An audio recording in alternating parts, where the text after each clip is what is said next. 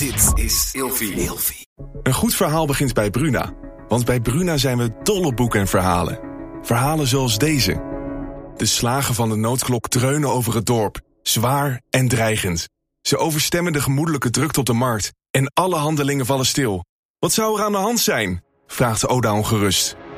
Wil jij weten hoe dit afloopt? Je leest het in Bloedlijn van Simone van der Vlucht. Nu bij Bruna. Vroeger. Meneer de Munnik, we bespreken deze week het onderwerp piraten. En in deze aflevering hebben we altijd een verhaal in de categorie luchtig feitje. We gaan het hebben over de piratenvlag.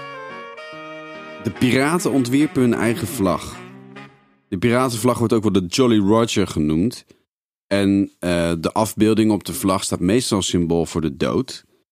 Nou, de allerbekendste piratenvlag bestaat natuurlijk uit een wit doodshoofd met gekruiste witte botten. Ik dacht dat dat de enige was. En dat op is een zwarte echte? achtergrond. Nee, maar kijk, in die tijd, eh, die piraten, dat waren eigenlijk best wel hippe gasten. Die ontwierpen gewoon hun eigen vlag.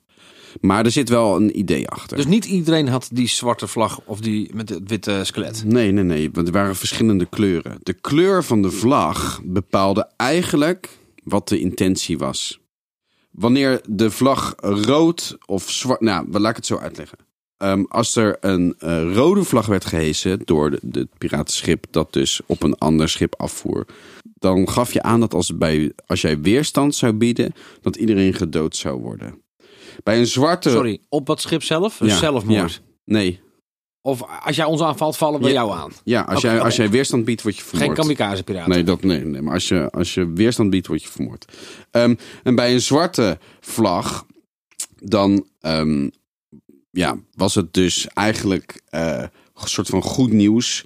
Want je kon, je kon worden, ja, er is tijd voor overgave, weet je wel. Dus- neutraal. Dus Zwitserland Ja, had, een, ja, had, had die vlag eigenlijk. Ja, ja. En ehm, de elementen die op, op zo'n piratenvlag voorkwamen, hè, zoals bijvoorbeeld het doodshoofd, of het, eh, nou, het doodshoofd staat symbool voor de dood. Het skelet gaf bijvoorbeeld een, een kwellende dood aan. Een zandloper gaf aan dat de tijd gekomen was. Een bloedend hart met een dolk of een machete betekende dat er ook een bepaalde drang was van die piraten om te vechten. En ehm, dat is toch wel, ja, weet je wat, het staat wel symbool voor waar ze voor staan. Maar waarom deden ze dat? Ik bedoel, dat hele verrassingseffect is toch weg?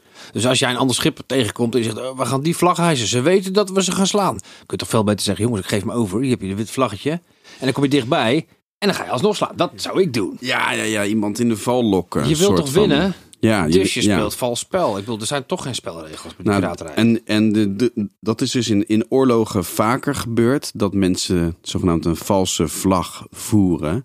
Top. En dan in één keer de juiste vlag omhoog heesen. En dan het schip dat jou eh, was genaderd volledig aan bonken schoten.